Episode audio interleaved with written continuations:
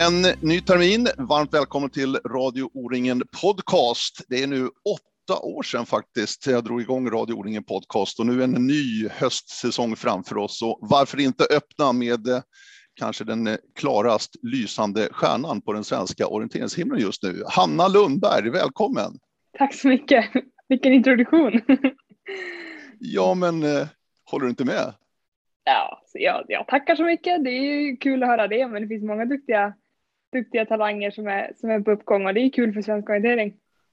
Absolut. Vi ska komma tillbaka till ditt fantastiska år så här långt och din fantastiska karriär. Men först av allt, som jag sa, det är en ny höstsäsong för Radio O-ringen Podcast, men en ny termin för dig då, rent skolmässigt. Hur, hur känns det att tillbaka i skolbänken igen, Hanna? Jo, men att just sitta i skolbänken kanske inte är det roligaste, det roligaste jag vet, men det känns ändå tryggt att vara tillbaka här och ja, nu, nu börjar jag känna igen det här stället så att det känns, det känns bra att ha en trygg utgångspunkt. Just det, och här, det är Sandviken för dig, orienteringsgymnasiet. Var det givet, Hanna, att söka dig till ett idrottsgymnasium? Ja, just att börja på ett idrottsgymnasium var ganska givet. Eh, jag tyckte det verkade jättekul och hade äldre kompisar som hade börjat och ville inte gå hemma. Men sen vilket ställe det skulle bli, det var, det var många svängar och jag ja, funderade mycket innan jag bestämde mig för att slutligen börja här. Var, var stod valet någonstans? Vad tvekade du över eller vad valde du mellan? Ja, men det var ju att jag åkte, jag åker fortfarande mycket längdskidor på vintern och valde väl mellan ett skidgymnasium eller Älvsbyn där man kan båda eller Sandviken som är mer, ja men som är orientering då. Så då föll valet på Sandviken när jag insåg att här kunde man åka skidor och jag skulle få till en bra orienteringssatsning. Eh, men det var, det var inte lätt. Det var jag valde bort de kompisar jag hade hemma och kände att de skulle börja Älvsbyn och Gällivare. Så det var att flytta till ett helt okänt ställe. Det var läskigt. Ja, på vilket sätt då? Liksom, vad var du rädd för? Ja, man, det, det är något nytt liksom. Eh, och en miljö som jag inte alls känner till och det är väldigt långt hem. Så om det skulle hända något så visste jag att mamma och pappa var liksom 80 mil bort. Mm, men ja, men det var väl mest det att jag inte kände, jag kände ingen och visste inte hur det skulle bli och så blir man ju alltid sådär osäker när man är, ja man ska till något nytt, att alla andra känner redan alla så att det är liksom, jag kommer, jag kommer inte passa in och hur ska det gå och sådär. Hur ska jag kunna åka skidor? Jag kommer inte ha någon bil att ta mig till träningarna. Så det var mycket som snurrade, men det blev ju bra till slut. Känner du att du har växt som människa också väldigt mycket att göra eller våga göra den här stora flytten som är då när man är 16 år, man är inte speciellt gammal heller? Nej, Ja, men det tycker jag absolut att jag har växt. Eh, det är svårt att säga hur det blivit annars om jag hade bott kvar hemma, men jag tror jag är lite som person. Jag testar och sen så skiter det sig. Då, då hade jag flyttat hem. Eh, men man måste ju, man måste ju våga testa och se, vad som händer. Annars så får man kanske inte den här maximala utvecklingen. Har det fungerat då som du har tänkt dig? Jag menar, du satsar ändå både på skidorientering och skidor på vintrarna. Att vara i Sandviken och få ihop det här med både sommaraktiviteterna och vinteraktiviteterna för dig? Jag tycker ändå det funkar okej. Okay. Det är klart att det var kämpigt ettan. Eh, att sätta sig på bussen och åka en halvtimme och så gå till skidspåren och så åka och så stressa till bussen för den fick man inte missa för det gick nästan tre timmar. Så det är klart att det var, det var lite kämpigt just den delen. Eh, men jag har ändå fått till det bra eh, med hjälp av jättesnälla klasskompisar som har haft bil och kunnat skjutsa ut eller ja, snälla föräldrar i Högbo och sådär. Så att jag tycker att det har, det har funkat fint. Hur annars då på ett orienteringsgymnasium? Hanna, berätta, hur, hur fungerar det? Ja, vi är idag 30 elever som bor här i Sandviken, är, eh, bor tillsammans på ett elevboende. Vi bor i vanliga lägenheter med, eh, med en annan sambo. Eh, sen har vi träningar i veckan, fyra stycken, måndag till torsdag och får middag två dagar i veckan. Utöver det, det är liksom det grunden, men sen utöver det så är det ju så sjukt mycket socialt. Det är en fantastisk miljö eh, att få, ja, men få lära känna. Man blir ju verkligen som nya syskon eh, och det är helt underbart. Men det kan ju också vara ganska påfrestande när man har tyngre perioder. Att det, det är liv hela tiden och ja, det finns både för och nackdelar med det. Orienteringen, eh, dina föräldrar orienterade sig inte. Hur hittade du till orienteringen? Jag hittade dit med hjälp av min lillebror. Han han började först och så några lektioner senare, det var någon nybörjarkurs, så hakade jag på för att jag tyckte det verkade kul att ja, men kompisarna var där. Det var inte så mycket mer, jag tänkte inte så mycket, jag hakade bara på. Eh, och vi, ja men det är samma ledare i skidklubben som orienteringsklubben, så det är liksom därigenom vi fick tipset. Just det, och sen du fastnade, du tyckte om det här med orientering. Vad var det som gjorde att du ändå fastnade för orienteringen så starkt som du gjorde? Jag vet inte, eller ja, jag tycker, älskar att vara ute i skog och natur eh, och det är väl en stor del av det. Och sen så gillar jag ju att idrotta och sen så var det att det var mycket kompisar där som, eh, ja, vi fick åka på O-ringen första, ja, O-ringen 2013 året efter då. Och det var ju en stor del eh, att få, få liksom smaka på det bästa på en gång och verkligen fastna för det. Mm, men sen så, jag, jag, tror att jag hade ju lätt för det från början också. Det är, jag, jag tycker ju om när det, liksom, när det går bra och sådär. Så att det, var ju, det är ju en fördel att det inte gick allt för mycket emot mig i början. Jag tänker annars Luleå och Norrbotten, det är ganska långa vintrar så det blir inte så där jättelånga orienteringssäsonger. Det var inte, ingenting som du brydde dig om. Nej, då tänkte jag inte alls på det. Alltså, Norrbotten är en fantastiskt distrikt som har alla förutsättningar förutom kanske en dag och det är snön som jobbar emot eh, orienteringssäsongen. Eh, och, men det tänkte jag kunde inte tänka på då utan jag, jag hade ju bara varit hängt i Norrbotten så jag trodde att det var så där det var. Liksom. Dina första stapplande steg där och, du, och som sagt var 2013 säger du, då var du O-ringen i Boden. Mm. Var det någonting som lockade då när du började att det fanns ett O-ring ganska nära där? Ja, alltså, jag tror inte jag tänkte så mycket på det. Det var mest mamma och pappa som hade hört talas om O-ringen som en jättestor tävling och så att det gick, gick hemma och liksom, det var ju mycket snack i klubben om det där. Eh, och ja, vi, vi åkte dit på de där fem etapperna men bodde inte på någon, på något O-ringen, i någon O-ringen stad eller någonting utan vi bodde hemma och sprang men tyckte det var kul, kul att orientera. Jag har gjort min hemläxa. Jag har nämligen kollat dina resultat O-ringen och 2013 just sprang du D11 Hanna. Ja, och ja, blev 14. Det var ändå, åh oh, herregud, jag kommer ihåg den där sista etappen. Oj vad jag missade. Jag var, jag var så stressad. Var du stressad då? Ja men det känns som att på den tiden sprang man runt med en himla bingobricka liksom. Det var ju mer, mer tur om man hittade kontrollen eller inte. Det kunde verkligen gå hur som helst en etapp. Ja, men i den där åldern, om jag tittar tillbaka själv när jag var med också när jag var 10, 11, 12, 13 år, alltså O-ringen var ju något fantastiskt att vara med på i den åldern. Håller du med? Ja, men det är så häftigt. Och jag kommer ihåg när vi åkte in på, om det var tredje, fjärde etappen kanske, och man kommer in och ser liksom en lite, lite olyckligt passerad dusch liksom. Man kommer in och verkligen ser allt. Så bara, jag vet att mamma och pappa var så här, vad är det här för någonting vi är på? liksom 15 000 pers och liksom över hela, hela Boden och det, är, ja, det var jättehäftigt. Så. Ja. Jag kan notera också att eh, du har ju varit med varje år sedan den där eh, första då i Boden 2013. Du har sprungit varje år och vunnit fyra totalsegrar för ihop.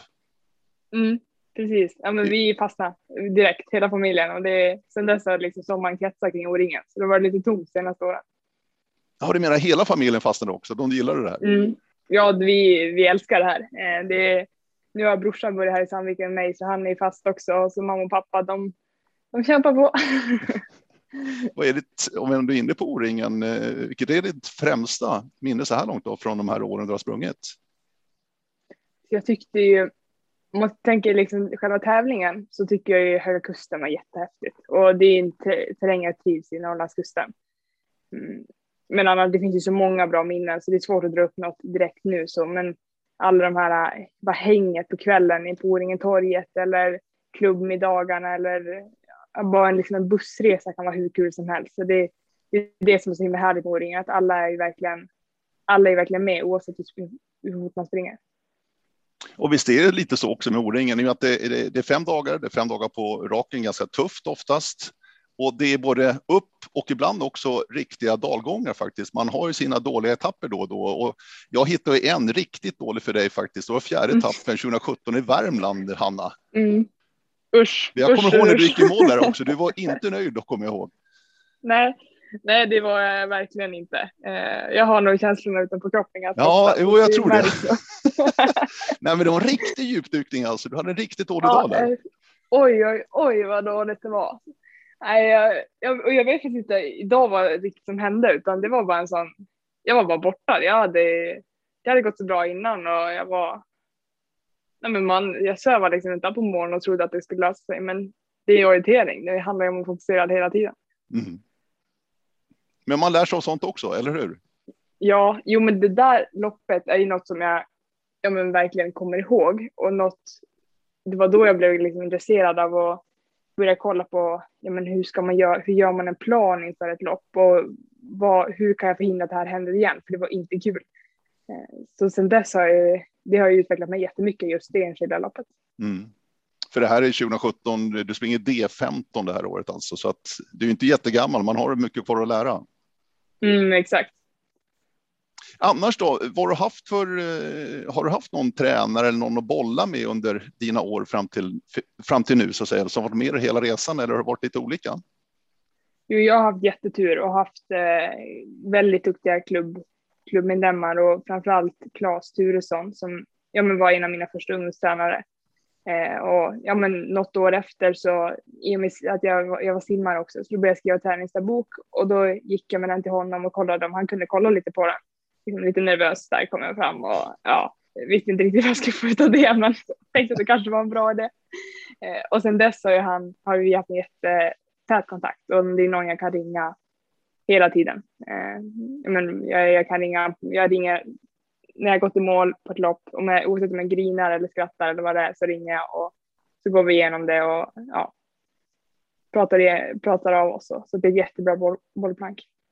Och det gäller fortfarande för dig Hanna, att eh, Claes hör du av till, att ni, ni hör av varandra? Ja, vi pratade senast för några timmar sedan bara om, eh, om upplägget nu framöver, så att vi, vi hörs väldigt ofta. Mm. Men tydligt är ju ändå att du ändå gick fram till Claes, du visar en nyfikenhet och du vill någonting i alla fall väldigt tydligt. Ja, det vill jag. Eh, jag, jag vill bli bättre. Sen är det inte alltid, men det är svårt att ha mål så med resultat och för det tänker jag styrs av andra, men jag vill ju, det finns ju alltid någonting att göra bättre på ett lopp och då vill jag gå till de personer som jag tror kan hjälpa mig med det. Mm. Simning nämnde du där också. Höll du på med det länge eller var det en allvarlig satsning där också? Uh, ja, fram till jag var, kan jag gått i sjuan kanske eller något det var ändå hyfsat länge, men sen så sa vår tränare att det var, skulle man simma då var det simning som gällde eh, och ingenting annat. Så då då kände jag att jag ville inte, orientering och längdskidor var så kul så jag, jag var inte beredd att ge upp det. Eh, så då, det var synd att det slutade där, för annars hade jag säkert, jag hade nog inte blivit en simmare, men jag hade kunnat fortsätta lite längre. Mm. Är det någonting eh, du tycker du kan ha nytta av idag, att du ändå hållit på med simningen om du liksom lägger över det mot orientering, skidor, skidorientering? Ja, det tror jag. Alltså, det är en konditionsidrott som, som de andra jag håller på med. Också att man får ja, men säkert en ganska bra kroppskontroll och bli stark i vattnet. Eh, så det, det tror jag har fått med mig saker av också, att jag har jättemycket fina kompisar och ja, sådana jag känner fortfarande som jag har fått därifrån. Mm. Eh, annars om man tittar på din karriär så här långt, du är alltså bara 19 år gammal, han. vi ska, inte glömma bort det, eh, fortfarande junior, men du är en väldigt van vinnare. Ska du säga att du har en oerhörd vinnarskalle till att börja med? Ja, det skulle jag absolut alltså. säga och det tror jag de i min närhet kan skriva, skriva under på. Det är inte kul när jag förlorar. Det du vill sett, men hur yttrar sig det annars, alltså den här, den här tävlingsskallen du ändå är utrustad med? För att den är ju väldigt viktig när det kommer till riktiga toppen. Om man ska nå hela vägen så måste man ha en oerhörd tävlingsskalle. Hur yttrar det sig för dig liksom? Men det är i vardagen så är det hela tiden. Eh, framförallt mot ja, brorsan har jag fått utstå en hel del. det kan vara, ja men, ja, verkligen stackarn. Han har det är bara så små grejer som att komma först i skolan eller laga den bästa maten eller vad det nu kan vara. Jag behöver inte säga till de andra att jag tävlar utan det gör jag bara. Liksom. För då är det lättare att vinna om de andra inte vet. Brukar Så det, ja, det är, men jag, man får ju försöka ta det liksom, lite med en nypa salt och inte ta det för allvarligt för då kommer man ju, det blir alldeles för mycket till slut. Ja, men det där är väl ändå lättare sagt än gjort för att har man den tävlingsskallen som du är utrustad med, som jag sa, då blir det ju också att det blir svårare att ta nederlag. Ja, ja absolut. Det har man fått jobba med. Det, det handlar om att vara sportslig, både när man vinner och förlorar. Det är ju, det, trots allt så är det här bara en lek oavsett vad det är liksom på för nivå. Eh, så att man, är, ja, man får tänka på att kanske hålla ner sina känslor ibland och göra det, ja, vara fair. Liksom. Mm. Du eh, var inne på det, du fortsätter att också på vintern eh, åka skidorientering, längdskidor. Hur, hur resonerar du nu efter det extrema genombrottet här i orienteringsvärlden? Vi ska återkomma till det naturligtvis, men hur, hur tänker du? Eh, nu är det augusti, slutet på augusti månad här. Ja, det är en väldigt bra fråga faktiskt. jag vet inte riktigt hur jag tänker. Eh, tidigare så har det gått så himla bra att kombinera. Eh, sen när jag flyttade till Sandviken så vart det, har det blivit mer, mer och mer orientering. Ja, det är lättare att få till och jag tycker, tycker kanske att det är snäppet roligare. Men samtidigt så, ja, men jag älskar att tävla och vill göra det på vintern. Så jag, planen nu är väl kanske att köra ja, men det som passar lite. Att eh, är ett orienteringsläge, ja men då prioriterar jag det. Men annars så vill jag gärna tävla både längdskidor och skidorientering. Så länge det går liksom, eller vad då? Ja, men precis. Eh, jag, ja, I alla fall vintrarna framöver att det är en jättebra träning att få tävla. Så det vill jag, det vill jag inte, den chansen vill jag inte missa. Nej. Och de här framgångarna då uppe på Idrefjäll här för en dryg vecka sedan bara, är det som har gjort nu att du känner att det är nog ändå orienteringen jag ska föra vidare, alltså satsa på eh, mest?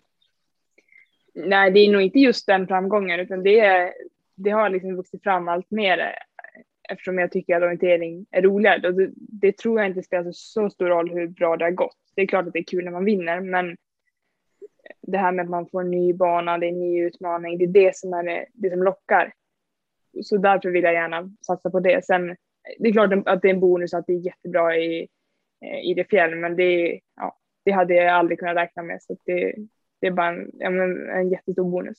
Mm. Eh, efter tävlingen där i Idre och även innan också så har ju ändå likheten mellan dig och Tove Alexandersson finns ju väldigt tydligt med just att Tove också satsade väldigt länge, både vinter och sommar. Är det någonting, jag menar Tove måste ha betytt mycket för dig också Hanna?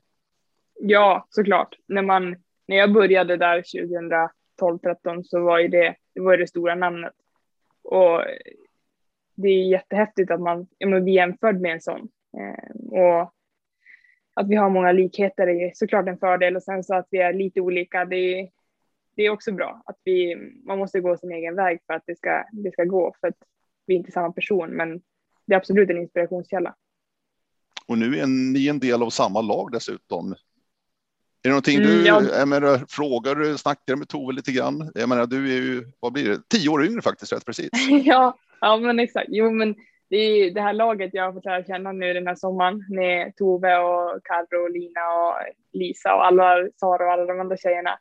Eh, det är jätteinspirerande allihopa och alla har sina styrkor och alla har sina saker de jobbar med och det är kul att få se det på nära håll. Så det, jag pratar med Tove absolut och de andra tjejerna också. Så att, ja, men det, det känns bra att få komma dem närmare och veta hur de fungerar. Men är det så i laget, så att ni är ju väldigt eh, starka individualister allihopa verkligen i det här laget, men man är generös och delar med sig av, av, av liksom det andra kan eller man kan fråga om någonting så där. Fungerar det så? Ja, men jag tycker vi funkar bra som ett lag och det är, men det är som du säger, det är en individuell idrott och alla vill prestera. Så alla har sina egna knep och det kanske man inte delar med sig av. Eller det, jag, det som funkar för mig behöver inte funka för någon annan och då går det kanske inte att ja, men, berätta allt eller det blir för mycket om man ska, det blir för mycket intryck om man ska ta in från alla. Eh, men det, jag tycker vi hjälps åt och de förberedelserna vi gör inför ett lopp, det gör man som, det gör vi mycket tillsammans. Så det, det är inspirerande. Mm. Du, eh, om du får berätta själv med dina egna ord, vad är dina styrkor respektive svagheter just nu? Jag menar, du är fortfarande junior, får inte glömma bort det, men ändå som du ser det just nu, Hanna, vad, vad, vad behöver du jobba på och vad känner du ganska trygg med i dagsläget? Mm, ja, men jag tror att en av mina största styrkor, det är att jag är väldigt så här, lösnings orienterad. Man säga. Jag försöker hela tiden hitta bra lösningar, de bästa lösningarna och uppstår ett problem, ja men då behöver jag få tag på en sjukgymnast. Då en söndag kväll, då står jag plötsligt där med liksom jag då ringer all, alla, jag drar alla trådar jag kan. Jag står där med tre stycken helt plötsligt. Vad ska jag göra nu? Eh, så det, det är nog en styrka jag har och som jag, jag gärna vill bära med mig. Eh, svaghet kan ju vara att alltså, jag är ju väldigt envis och det är en fördel men det kan också vara en nackdel att man fastnar lätt i kanske blir lite enspårig sådär och ja, men bestäm, bestämmer sig för något och kanske är svårt att släppa det även fast det är bättre att bara låta det gå ibland. Och sen tänker man orienteringsmässigt så försöker jag jobba på, jag jobbar på svagheter hela tiden. Ehm, jag tycker tidigare att sprint har inte varit min grej, men det vart det tydligen i år.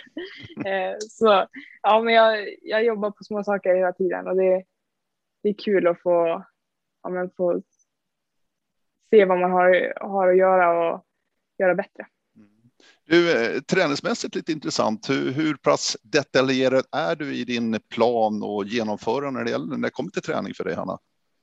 Jag är i genomförandet försöker jag göra det perfekt hela tiden, varje träningspass eller se vad man kan. Ett distanspass, två timmar löpning och kanske inte göra så jättemycket mm. raketforskning av. Eh, men eh, ändå försöka tänka igenom planen och jag och Claes bollar vad, vad som är bäst för ja, men den kommande perioden, när jag ska träna mycket, när jag ska träna lite, eh, om det passar, vilka fartpassen passar. Och sen så gör jag den sista finjusteringen själv. Och, men det, kan, jag, det är alltid klart när jag går och lägger mig kvällen innan, men jag, tyck, jag tycker inte om att ha så här jättelångt i förväg, för det hinner alltid hända saker och det är bättre att anpassa till, till den formen man känner sig den dagen, om det, ja, och se vad som är bäst att göra för dagen. Men en, en, en grov plan vet du ungefär vad du ska göra, men sen så finslipar det detaljerat då i princip dagen innan. Ja, men typ. Nu är det ju lite speciellt när man är så här i tävlingssäsong, eh, men vi har ändå fått möjligheten att tävla väldigt mycket, vilket alla inte har fått, så det är jag jättetacksam för. Men då, då är det ju ganska detaljerat för att det finns lite tid att jobba med och det, det är lite små justeringar hela tiden. Så då, nu har jag liksom en plan framåt junior-VM och så. Ja, det kommer ju snart Turkiet nästa för dig och mm. eller junior-VM. Ja, oj vad kul det ska bli. Jag satt och bläddrade lite bland foton jag skrivit här i morse och det är, eh, ja man blir glad när man ser de bilderna från, från 2019 när jag var senast i Danmark. Så nu har vi längtat i två år så det, ja, det är kul att det äntligen får dra igång. Jag tror det blir bra att få springa av sig lite. Ja, det, det, blir det säkert. Och det, det var intressant med junior-VM här. Det var faktiskt ett eh, styrelsebeslut i Svenska orienteringsförbundet som sa ja, ni får åka beroende på coronapandemin och Turkiet är ett rött land och så vidare. Men det måste varit skönt ändå att ni fick ett ja, för det kunde lika gärna blivit ett nej faktiskt. Ja, jo, det var ju lite skakigt där. Eh, och jag, Kalle var ju med och det, det här beslutet fick vi veta i i idrott. Så det var verkligen så här, man, man fick veta det, bara, yes, yes, yes, yes. Och sen så bara, nej vänta, just det, jag ska springa medeldistans imorgon. Släpp det här mm. Så det var, ja, jag försökte trycka undan den glädjen, men eh, det var, det var en lättnad. Men du var inne på något intressant där. Det blev ju inget junior-VM förra året, inget O-ringen heller. Det vart ingenting i princip förra året, förutom några SM-tävlingar då som var coronaanpassade. Hur har du hanterat den här, det här ett och ett halvt år nu vi har levt med det här faktiskt, Hanna? Hur har du hanterat? Hur har det påverkat dig? ja, i början var det en väldig omställning. Eh, vi, det, det ställdes in, vi var på JSM i längdskidor och han åka, åka första distansen och sen fick vi veta att vi inte skulle tävla de andra dagarna. Och då var, vart man ju bara irriterad liksom. Och så tänkte jag nu drar jag ut och tränar. Och ja, det var väl kanske inte så skitsmart liksom. Och, eh, så jag tränade ganska mycket där i början och hade väl lite svårt att hantera det för man var beredd att gå in på, på en tävlingssäsong och en orienterings, eh, fullt upp med orienteringstävlingar. Men sen så när man väl började landa i det så insåg jag ju att det går att göra ganska mycket bra av det här. Att nu har jag massa, jag har aldrig haft tid för någon grundträning när jag tävlar så mycket. Eh, så nu har jag tid att göra saker liksom lugnt och metodiskt och jobba på det jag behöver förbättra och ja, men bygga upp en bra grund. Och då, ja, men då tog jag de chanserna den, den hösten och vintern och gjorde det jag kunde. Är det en förklaring till att det gått så bra i år? Ja, det tror jag det. Eh, absolut, att jag, jag tog verkligen vara på den där tiden och kunde hålla mig, jag tränade smart då efter den där första lilla utbrottet efter ISM så tränade jag faktiskt väldigt smart och höll mig frisk och skadefri. Mm. Har det varit någonting eh, att du har hållit dig frisk och skadefri? Det är extremt viktigt för er elitidrottare naturligtvis, men har du varit eh, du, du har inte varit speciellt mycket skadad och, och sjuk genom åren? Nej, inte skadad. Jag hade en, haft en överansträngd höft en gång. Eh, som tog, ja men jag var lite hetsig igång så det tog ett tag att läka, det var några, några månader men det var ju som, jag kunde fortfarande träna annat, det var inte så farligt. Eh, men jag har ju verkligen gynnats av att åka skidor på vintrarna, mm. tror jag. Jag kunde göra massa. Och sen sjukdom så har jag också jag men, hållit mig frisk. Jag hade hösten, ett, eller våren ettan var kanske, så fick jag någon, någon typ av virus som satte sig liksom på, ja men det var feber och sådär, lite körtelfeberkänsla, men det var inte körtelfeber. Eh, så det var en tung period att gå igenom det för att den kroppen inte svarar. Men annars utöver det så har jag ju hållit mig väldigt frisk. Jag tänker också under pandemin här för er elitidrottare i och med att många är ju väldigt, väldigt rädda för att eh, få covid-19 så att säga. Det sätter sig gärna på lungorna, vilket är ett extremt viktigt redskap för er då elitidrottare. Har du också känt att du varit väldigt, väldigt försiktig i kontakter och annat under den här eh, pandemin? Ja, har, jag har varit försiktig, absolut. Eh, jag har inte velat dra på mig den där eh, skiten, utan det har varit många gånger jag sagt nej till saker som egentligen var roliga och det har ja, hängt hemma med familjen. Det är ju trevligt att vara med familjen, men kanske blivit lite långtråkigt efter ett tag. Men samtidigt har ju det kanske gynnat återhämtning och jag har kunnat träna ordentligt så. Eh, men det är klart att man inte haft några stunder när det var tråkigt, men så har det varit för alla. Mm. Men är känslan bättre nu så säga? Tycker du att också att jag tycker det personligen att det börjar lätta nu? Även faran är inte över. Nej, absolut inte. Men ni som tävlande har ju märkt det väldigt tydligt både under EM i Schweiz i våras, VM i Tjeckien, nu världskuppen på Idefjäll. Det här med bubblor, testning och allting annat. Ni börjar bli vana vid det där kan jag tänka mig. Mm, det börjar bli rutin för de där bubblorna ja. och ja, sticka in de där pinnarna i näsan. Det, ja, det börjar man kunna nu och det är jättebra att det tas på allvar och eh, så att vi verkligen får tävla. Annars, hade, ja, utan det hade det inte varit möjligt, så det är man bara glad för att de, mm. de gör det så. Men känner du också själv att det är en trygghet också att vi får göra de här testerna? Det känns ändå att här är vi nu så säkra vi kan, nu kan bli. Ja, det, det tycker jag ändå. Det är, man är ofta säkrare där än vad man är hemma. Eh, det, ja, men det är bra att man det är ju en farlig sjukdom liksom. För mm. det kan gå riktigt illa om det går fel. Så för alla, allas bästa så är det bra att göra det. Mm. Du, nu måste vi gå in på det här året 2021. För vilket år det har varit Hanna. Helt otroligt fantastiskt. Och det började i kallt Norrtälje i våras egentligen när du eh, åkte mm. ner för att springa de här EM-testerna och sprinttävlingarna då i Norrtälje. Vad hade du i huvudet i tankarna när du åkte dit? Ja, jag hade ju drömt lite om EM. Vi eh, hade haft lite läger och så med landslaget innan, träningshelger och så. Och jag hade ju märkt att oj, jag har verkligen gått framåt. Och så hade jag fått sprinta en hel del så jag kände att men det här börjar jag ändå få lite koll på. Så det var klart att jag drömde om ett EM, men det, ja, att vara så pass bra på testerna och det var ju, det var ju jättecoolt. Man blir där och då, det var många, många skratt och det var en kul helg det där. För då ska vi ändå veta att Sverige är ju rätt starka på sprintsidan, på damsidan. Mm, ja, verkligen, det är vi. Och, men det var, då visste man ju inte riktigt hur vi låg till heller, för det var ju ett tag sedan vi tävlade internationellt. Ja, exakt. Eh, så jag vet att ja, men, man kanske blev lite orolig, är nivån nog lika hög som den varit tidigare, men det var den ju. Eh, så ja, det var, det var häftigt att få springa mot seniortjejerna. Men du sa det, du hade som mål ändå att ta en plats till EM eh, e då i Schweiz, i Neuchâtel där i slutet av maj.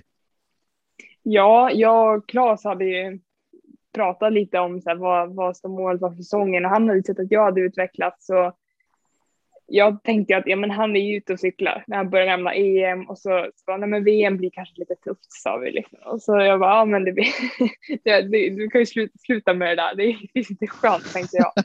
så, så då men, så gick jag med på att ja, men EM, det, när jag började tänka efter, det kanske inte är helt omöjligt. Eh, och sen var det men det handlar ju om när man åker på sådana där uttagningstävlingar så handlar det bara om att släppa det. Då, då kan du inte tänka på på vad det är du har för drömmar och sådär, utan då är det bara fokus på genomförandet på den helgen. Mm. Och bra gick det och plats tog du till EM eh, e då nere i Neuchâtel i Schweiz. Eh, sprang inte sprintstafetten, där var det bara ett lag per nation ju, men däremot så sprang du individuella sprinten och knockoutsprinten och det gick ju väldigt, väldigt bra. Mm, det gjorde det. Hur nöjd är du var... efteråt? Åtta var du på sprinten och sju var du missade precis finalen till knockout-sprinten. Ja, men jag är, när man hör de resultaten så blir man ju väldigt nöjd. Eh, sen, ja, det finns saker jag kunde gjort bättre på alla loppen. Så det är så här, fortfarande små grejer som stör mig. Eh, så att, ja, det, det är coola siffror, men eh, man kan ju bara drömma om vad det hade kunnat bli om det var ännu bättre. Men det är så lätt tycker jag, jag har sagt någon gång att man blir fartblind, att det, det går så bra och så kan, vet man att det kan gå bättre och så vill man mer och mer, men det är på något sätt, man måste vara realistisk också. Men du sa ju det tidigare att eh, sprinten har inte kanske varit det du tycker är allra roligast det du varit bäst på. Men eh, här levererar du även på sprint, internationell sprint verkligen i Mellaneuropa som är lite lurigare än här i Sverige oftast. Ja, men det, det låter ju knasigt när man, när man säger det. det. Det hade jag aldrig trott när, men innan den här pandemin började, utan eh, men jag, alltså jag har ju gjort jobbet och jag har sprungit mer sprint än vanligt och då, då blir man ju bättre om man gör det ordentligt. Så mm. på så sätt är det inte konstigt, men samtidigt så är det lite småknasigt. Mm.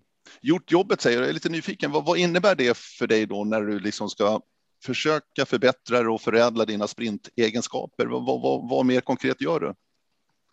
För mig har det handlat mycket om att springa mer på vintern. Eh, tidigare har jag, innan jag flyttade till Sandviken, sprang jag kanske 50 minuter i veckan. Liksom. Jag åkte skidor och så sprang jag ett eller två pass. Eh, och nu har jag börjat springa mer och springa mer hårt underlag. Tagit det lite så progressivt och för att inte bli skadad. Då. Så det är en faktor att jag springer fortare, men sen också få mer kartträning. Och i varje kartträning man gör ska man göra så noggrant som möjligt. För att sprint är ju liksom 15 minuter, 100% fokus. Och då gäller det att göra det på träning också. Så jag har verkligen försökt ha en plan med varje pass och sen så genomföra planen, utvärdera eh, och ja, se hur mycket titta på hur de andra tjejerna gör också och killarna. De som jag vet är i absolut toppnivå. Att hur tar de en sån här sträcka och, och men, bara inspireras av dem. För ändå är det ju liksom eh, skogsorienteringen kontra och sprintorienteringen. Det är ändå ganska stor skillnad, men det är väl ändå på något sätt sprinten är ju att du tar kanske fler beslut under kortare tid. Förstår du vad jag menar? Mm, precis, det blir på ett sätt mer intensivt. Så det är klart att det är saker som skiljer, men det är också mycket som är lika. Att det handlar om att ha kartkontakt och vara fokuserad när man, 100% fokuserad när man verkligen behöver det. Eh, och springa på när man vet att man har koll. Så det är, ja, det är på ett sätt är det samma sak, men det ser lite olika ut, är lite olika utformanden. Men sprint är kul på så sätt att det verkligen händer mycket. Mm. Och nu för dig då, det spelar ingen roll. Nu är sprinten skog, det spelar ingen roll för dig. Nej, jag kör på allt. Ge mig en karta så springer jag. Just det. Ja, det är bra.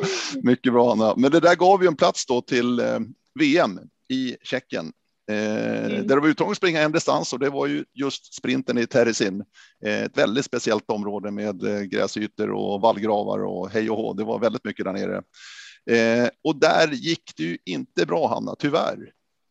Nej, det där var ju en riktig flopp kan man säga. Eh, det var. Ja, flopp och flopp, men eh, berätta, vad, vad hände? Mm, jag eh, var väl lite ivrig där på, eller lite väldigt ivrig på den där kvalet och ja, men hade stressat upp mig själv under. Det var, det var en helt ny, ny situation och har förberett sig till ett lopp i liksom flera månader och åkt på läger till Frankrike för att vara beredd för en annan tävling. Det var så mycket som jag jag satte, eller det var inte press utifrån, men jag satte press på mig själv att nu ska det gå bra liksom. Och eh, ett kval är ju alltid läskigt på så sätt att det, på, det loppet påverkar ett annat lopp.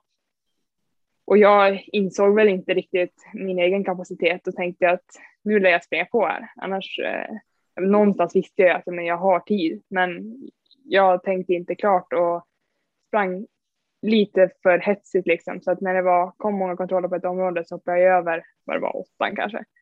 Eh, och insåg inte det förrän jag kom i mål. Och på ett sätt, ja, det är sånt som händer, man hoppar över kontroller. Men jag är riktigt missnöjd med hur jag hanterade den, de förberedelserna. Men samtidigt visste jag inte bättre då. Men där och då var du oerhört besviken. Ja, nej, det var jättemånga tårar. Väldigt eh, länge också. Så, mm. ja, det var, men då är det också fint att se vilka, hur många som faktiskt bryr sig runt, runt den och vilka fina lagkompisar jag har och vilka fina ledare.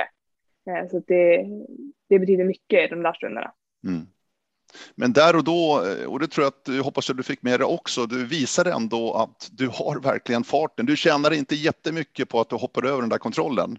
Men du måste ändå ha känt efteråt någonstans när du ser vilken tid du hade att fysiskt så är du verkligen med där uppe. Var det inte känslan ändå när du kanske sansade lite grann? Jo, jo absolut. Eh, det är svårt att avgöra på ett kval hur fort folk springer. Eh, men jag kände ju att jag hade jag hade ju följt min raceplan med hur fort jag skulle springa och det var ju inte att ge 100 procent på spurten. Liksom. Eh, så det, nu har ju inte jag kollat på några sträcktider för det där gör bara ont att kolla på. Ja, jag förstår men, det. men om man kollar på sluttiden så absolut, jag har farten. Är det någonting du känner varje gång du står på start att ja, jag har chansen, även då om det är ett VM eller ett EM eller en världscuptävling, du känner på starten att ja, jag gör ett bra lopp så kan vara med där uppe? Ja, det där har jag fått jobba med. Att det, jag tycker det är svårt att se framför sig att man har den farten för att slå sina idoler. Det, det, som, det har inte gått in riktigt än, utan det har jag fått ja, men, prata med andra om och intala mig själv att ja, men det går om jag, men då, då är det så viktigt att lägga till att om jag gör jobbet. För att gör jag inte jobbet, ja, men då kommer det skita sig. Men ja, jag, jag börjar väl inse nu att det går faktiskt ganska hårt både i skogen och och i stan. Men det, det är alltid det där man ifrågasätter om det verkligen är tillräckligt. Ja, det, det, har jag svårt att förstå faktiskt när det gäller dig Hanna. Alltså, du måste ju ändå känna det för att du har ju enormt bra fart och en enorm fysik. Alltså, det vet du ju. Ja, jo, jag börjar väl inse det nu, men eh, det, det har jag fått jobba med faktiskt. Eh, och VM där, det var ju den första tävlingsdagen, sprinten i Terresin där när du diskades då och hoppade över kontrollen där i kvalet. Och sen var det en hel vecka kvar. Mm, det var, ja, Hur det var, var det för dig? Vecka. Ja, det måste ha varit det. Det var eh, Eh, först att smälta sprinten fick jag ju, ja men jag gav mig inte själv så mycket tid till det för att jag visste att jag var reserv på medel. Och jag ville ju, får jag chansen på medel så vill jag göra det så himla bra som möjligt. Så jag gjorde min plan och jag sprang model event och gjorde allt det där. Och sen så är det ju liksom, då får man ju då blir det samma situation igen. Jag sprang, jag hade sett fram emot sprintfinalen och så är det någon som rycker undan kartan för mig. Jag får, jag får inte chansen. Och så är det samma med medlen. Jag har förberett mig. Nej, det är någon som tar kartan och drar. Liksom. Jag, jag får inte chansen och det är och väldigt liksom, ja, det ger väldigt mycket tändvätska och så, men eh, där och då så fick man kämpa med många tårar och ja, det är tur jag har många kloka människor att prata, prata med. Mm.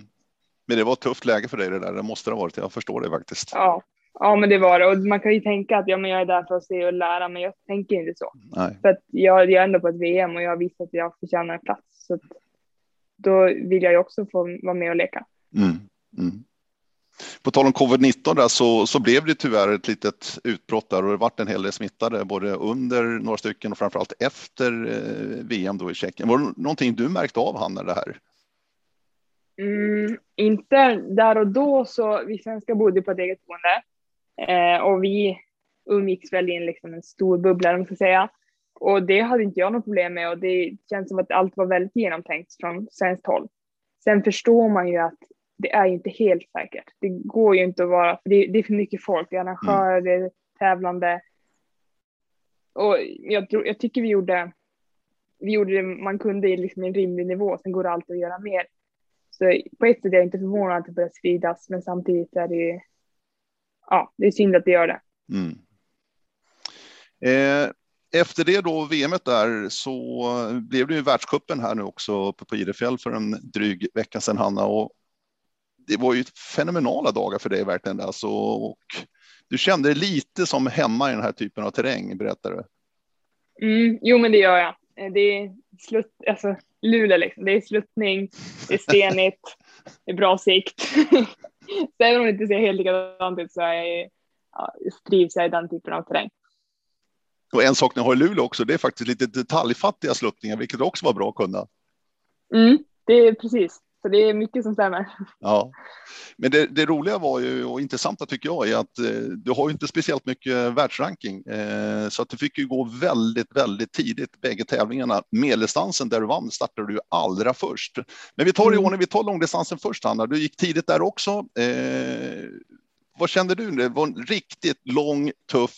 Du hade en sluttid på över en och en halv timme och ett väldigt, väldigt lång, långt lopp. Det är ingenting som bekymrar dig eller tänker på, utan det är bara ut och köra. Nej, alltså så länge är man i bra form så tycker jag inte det är så långt och jobbigt. Men är, är man i dålig form då är det fruktansvärt långt. Men jag var ju, jag var ju bra slag så det var ju, jag tänkte inte så mycket på det. Och sen det här med startpositionen, det är inget jag kan påverka där och då. Det är bara att springa med den startnumret jag får. Eh, och ja, jag visste att jag kommer behöva göra jobbet helt själv idag och det var ju ganska på ett sätt skönt att veta. Eh, men att ställa sig på startlinjen med en lång, lång distans som väntar ser man ju mer som en utmaning. Att jag visste att du skulle få plocka många roliga kontroller. Och hur var det då? Det var, ja, det tog ju hela tiden. Det var ett litet äventyr. Så, ja, det var, men det var kul. Eh, och det var många, ja men det gäller verkligen att ta det ja, men så, sträcka för sträcka och bit för bit för att ta sig fram, att inte tänka så mycket på vad som väntade eller eh, ja, sväva iväg tankarna. Långdistans är ju speciell på så sätt att det går inte att vara koncentrerad i 93 minuter eller vad det nu var för någonting. Utan det, man måste kunna koppla på och av, men i det terrängen, det är inte så att vi går ut på någon stig och springer, utan det, det är fullt ös. Liksom, det gäller att vara, vara med på ett sätt vara med hela tiden, men samtidigt aldrig vara hund, man kan inte vara hundra procent fokuserad hela tiden, för det går inte. Nej. Det där är en avvägning och det, det visste jag skulle bli svårt. Det var, jag var mer rädd för det, liksom det fokusgrejen än själva det fysiska. Mm. Många hade ju problem med att det är lite knöligt, lite stenigt i backen, men det där är någonting som du kan hantera. Ja, det kan jag. Jag tycker, jag tycker nästan det var fint. Det var, ja, det är klart det är lite knöligt ibland, men det är inte. Det är bara, ja, man får väl gå och läsa kartan om man inte kan springa och läsa kartan. Så det, för den kartan måste läsas hela tiden. Och sen blev det ju, du tog ju ledningen överlägset och satte nästan hela tävlingen, Hanna. Hur, hur, hur var den känslan när du såg eh, löpare efter löpare gick bet på att slå din tid? Ja, men man, man sitter ju där i stolen och tänker, ja men nästa som kommer, då är det, jag, jag är beredd att gå liksom. Eh, men sen börjar man ju inse vilka namn det faktiskt är som, som kommer in och inte slår en. Och så den där radion som var efter 20 minuter eller vad det var. Jag inser att oj, jag, liksom, jag, jag vet inte vad jag var där, två eller något. Eh, att liksom, vänta, vad händer nu? Eh, och det var ju så häftigt att ha, ha ja, men, några klubbkompisar, familjen, Klas på, som satt i publiken och det var, så här, det var bara tumme upp och tumme upp. Och fyra blev det till slut och det var ju inte vilka som helst som var före det då liksom med Simona Eberstad, Andrine och Tove. Mm. Ja, precis. Fyra med ett lopp som där jag fortfarande sitter och vet att jag kan göra saker bättre. Ja. Det är inspirerande. Ja, du gjorde en rejäl krok efter varvningen där uppe. Mm, den där sträckan är jag inte nöjd med. Det, den sidan. det, det var väl enda stället på banan jag egentligen gick ifrån min raceplan. Att, ja, jag vet att de här lite längre sträckorna har jag haft lite svårare för och då, ja, det var jag inte riktigt med på där. Jag var lite trött när jag kom upp. Hade klättrat de där 200 metrarna. Ja, jo, precis. Men en fjärde plats på långdistansen och två dagar senare var det medeldistans och du startade allra först. Startnummer ett hade du hela tävlingen. Mm, precis. Jag, skickade, jag såg startlistan och tänkte att men jag kanske kan få köra lite senare på långa fall. Så såg jag etta, så skickade jag bara en sur emoji till Klas. Nej, det här var inte bra. Nej, det kan man ju tycka att eh, internationella orienteringsförbundet bör ju ändra reglerna. Att är du fyra första dagen så borde du sidas upp lite grann till nästa tävlingsdag. Kan jag tycka personligen, men så är inte reglerna just nu tyvärr. Nej, exakt. Det där är ju, ja, men det där får ju de fundera på. De har ju massa olika aspekter. Jag, ja, jag är ju bara en tävlande som jag vet inte hur man ska se på det för att det ska bli så rättvist som möjligt. Jag har inte tjänat några eh, rankingpoäng. Eh, mm. då, då borde jag starta först, men mm där får, man, får de fundera på. Mm.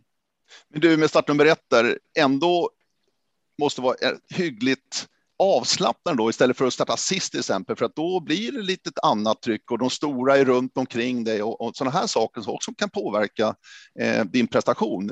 Så att någonstans så är det ju inte helt fel, även om spår och sånt där brukar man prata om. Jag tror inte det var jättemycket spår ute i det terrängen faktiskt, det är inte vad vi såg efteråt i alla fall. Men just de där bitarna är inte så dumt ändå, Hanna, för att kunna vara avslappnad och verkligen kunna fokusera på sitt. Nej, verkligen. När man, när man har fått förutsättningarna att jag startar först, då finns det ju, då är det bara att plocka fram fördelar. Det är ingen idé att börja fundera på nackdelarna egentligen. Utan jag startar först, jag vet att jag kommer behöva göra jobbet helt själv. Det kommer inte vara någon som kan dra mig runt, så det, det är ganska skönt. att Jag kommer inte kunna slappna av någonstans. Då är det bara, det är bara att acceptera det. Jag, jag visste ju att killarna hade startat före, så jag skulle inte vara helt först ut i skogen. Eh, och det, ja, som du säger, det är lite avslappnat. Jag, jag gör mitt i fred, det är ingen tv-kamera som kommer springa efter mig, utan jag, jag knogar på där i skogen själv. Mm. Och du får på ett riktigt bra lopp. Mm, ett riktigt underlopp. Det, ja, det var coolt i loppet faktiskt. Det är inte, man gör inte många sådana där lopp på ett år om man ens gör något, eh, utan det var. Jag var så sjukt fokuserad och liksom metodisk hela varenda sträcka och det. Men det är jag stolt över faktiskt att jag lyckades med. Och du bara liksom betade av, du plockade kontroll efter kontroll. De satt precis där du hade tänkt dig hela tiden. Ja, det gjorde de. Eller ibland satt de väl tio meter bredvid. Okay. Då såg jag dem just. Nej, men det var ja, att aldrig, aldrig släppa kontrollen oavsett hur lätt sträckan såg ut. Det tror jag var nyckeln där mot, slutet. Ja, hur, hur, är det på slutet? Det är mycket utför för slutet eh, in mot målet, men du vet att du har gjort ett väldigt, väldigt bra lopp så här långt. Safear du någonting? Är det lite handbroms ändå för att inte gå på någon mina på slutet? Eller hur? Är du bara bara bomba på, bomba på, bomba på? Nej, ja, ja, det var nog mer bomba på. Jag tycker inte det fanns så mycket att safea mot där. Det var ju bara att lägga kompassen och springa och det gör jag lika bra om jag springer sakta så fort. Eh, det är bara att lyfta blicken och ja, men, göra det jobbet man brukar göra. Men det var klart att jag hade en plan för de sträckorna ner där, precis som jag hade en plan på de tidigare sträckorna. Eh, den där, ja, vad var det, 16 som många mm. la tid på. Eh, att ja, jag, jag var beredd när den, jag var ju rädd ner där såklart. Jag hade en, man har den sista hållpunkten 400 meter innan eller vad det kan ha varit. Mm. Eh, och jag menar att, att ha ändå ha en, någon, man är rädd men en trygghet i att jag, jag har en plan. Jag vet vad som finns bakom kontrollen, jag vet vad som finns runt kontrollen. Men sen så när jag såg skärmen då bara skrek jag rakt ut. Då visste jag att nu har jag plockat det, det sista riktigt svåra. Men vad var din känsla då när du gick i mål bland alla herrarna? Eh, som första målgång naturligtvis så startade allra först och det har gått bättre än på långdistansen där det var fyra. Vad var din känsla inombords Hanna? Ja, men det var ju att det kommer komma någon bort snart. Precis som på långdistansen. Nej, men jag, jag, när jag gick i mål så var jag jättenöjd och glad och liksom, ja, men jag hade alla, alla de där känslorna utanpå kroppen. Men samtidigt så blir man så här, nej men du får inte vara, bli inte besviken om någon slår dig. Eh, det var en av sakerna jag sa att jag ska, inte, jag ska absolut inte bli besviken hur många som helst spring, som springer fortare, för jag kunde inte göra det här så mycket bättre. Så jag drog hem och duscha och fick behandling och så här, vågade inte ens kolla hur det gick i resultatlistan, för jag tänkte att jag, jag vill leva kvar den här goda känslan. Men sen fick jag sitta där ett tag. Ja, sen kom du tillbaka och eh, jag noterar att Jakob Hård som eh, kommenterade tävlingen på plats där i Idefjäll, eh, han skickade på Twitter här i veckan att årets sportögonblick skrev han och då ska du veta att vi haft skid-VM, OS, vi har haft stora grejer det här året och det var just din reaktion när Simona Ebersold missade just den här 16 kontrollen och du såg det på storbildsskärmen med tracking och allting och du bara sken upp och fattade jag kommer vinna. Ja, det var ju flera reaktioner, eller flera steg där reaktioner var först. Jag berättar. Först bara, oj, de missar GPSen. Det, då vet man att nu händer någonting. Och sen, sen inser jag att hon bommar, då är med att jag tappar hakan. Och sen inser jag att, att det är min lilla GPS som kommer springande där bakom. Det är mest det som är så här, vänta, vänta, vänta, vad, är det jag som kommer där? Eh, så, ja, och sen så tog det några sekunder, sen insåg jag att jo, men det här är faktiskt, det här kan gå. Så det var häftigt. Det var häftigt. Mm. Ja, Verkligen. det var helt otroligt häftigt måste jag säga. Det, det, det, det är mäktigt alltså. Ett sånt genombrott.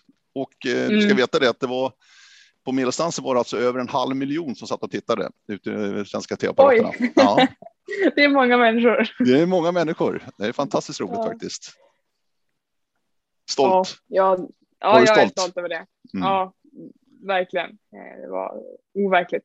Och men återigen där, jättekul att få ha några klubbkompisar i publiken som, och få göra det på hemmaplan i Sverige. Att det, jag hade kunnat vara liksom på en, någon bakgata någonstans, eh, men nu fick jag verkligen jag fick ut det jag ville i den terrängen jag trivs väldigt bra i framför de jag bryr mig mest om. Så det, mm. ja, det var kul. Men jag tycker det är otroligt häftigt det du precis har berättat här också med pandemiåret. Du fick en chans att verkligen lägga upp en plan, lite långsiktig plan och vilken payoff för dig det har varit 2021. Alltså, vad tar du med dig från det här nu framöver i din fortsatta karriär, Hanna? För att du har ändå visat att det du har gjort så här långt har varit väldigt, väldigt rätt. Mm, precis. Jo, men det är ju det att eh, jag kan faktiskt tro på det jag gör. Jag har, jag har väldigt mycket klokt, kloka människor runt omkring mig som hjälper mig och tar hjälp av dem och tänker lite själv så blir det bra. Det, kom, det kommer kanske inte alltid bli bra. Eh, man kommer få bakslag och så, men eh, jag har en bra grundidé som är, det är bara att fortsätta jobba vidare på den. Och nu har en ny termin börjat också. Vilket är favoritämnet? Ja. Får man säga rasten? ja, det får man säga. nej, men det, ja, jag, som sagt, jag är inte ett jättefan av skolan kanske, men eh, det, är, det är bra att man har något annat att tänka på ibland. Mm. Men du kan se fram emot en resa till Turkiet och junior-VM och det ska bli väldigt, väldigt kul att följa hemifrån ska jag säga. Mm, ja, men det ska bli väldigt, väldigt kul att springa. Framöver då, om du sitter lite mer framåt årsmässigt, vad, vad ser du framför dig, Hanna? Ja, jag hoppas ju på att få dra på mig landslagströjan eh, någon gång till och springa lite roliga SM-tävlingar också i klubb, klubbkläderna. Mm. Mm, så det är mycket, det är ett hektiskt program nu. Nu har det verkligen dragit igång. Mm. Så det, man får ja, men ta, springa det som passar och lägga lagom vikt liksom, så att det blir en bra helhetsbelastning. Jag tänker lite mer eh, framtidsmässigt om vi tittar några år framåt. Du har ju ett år kvar som junior också. Nästa år är det ditt sista år som junior eh, och slagit igenom redan på seniornivå. Hur, hur tänker du? Mm, jag tänker att jag ska fortsätta utvecklas och sen, eh, ja men det kan komma bakslag. Eh, det vet jag inte. Eller att det, att det fortsätter gå bra, det får vi se. Men eh, jag vill springa i landslagströjan med och vara, vara med där uppe och fightas. Och samtidigt vara, ja, men göra, göra mig själv bättre för varje lopp. Så får vi se hur långt det räcker. Avslutningsvis, har du tränat eller ska du träna idag? Idag jag faktiskt vilodag det är, det är en chill dag idag. Får se hur mycket det kommer splitta i kroppen ikväll. Det där är också viktigt, alltså återhämtningen för er på den här nivån. Ja, ja absolut. Eh, och det är både mentalt och fysiskt att man faktiskt får landa emellanåt och ja, men kanske komma hem till mamma och pappa på det femstjärniga hotellet eller bara ligga här i sängen lite på Youtube eh, kan vara väldigt viktigt. Mm. Du, stort tack att du var gäst här i Radio O-ringen Podcast, Hanna Lundberg. Fantastiskt roligt och önskar dig all lycka verkligen nu i Turkiet till att börja med och junior-VM några veckor bort bara. Ja, stort tack. Härligt och ni som har lyssnat, hör gärna av er. Ny termin står för dörren alltså. Skicka ett mejl till radio oringen.se så hörs vi framöver. Vi tackar från Sandviken och Örebro. Hej då! Hej då!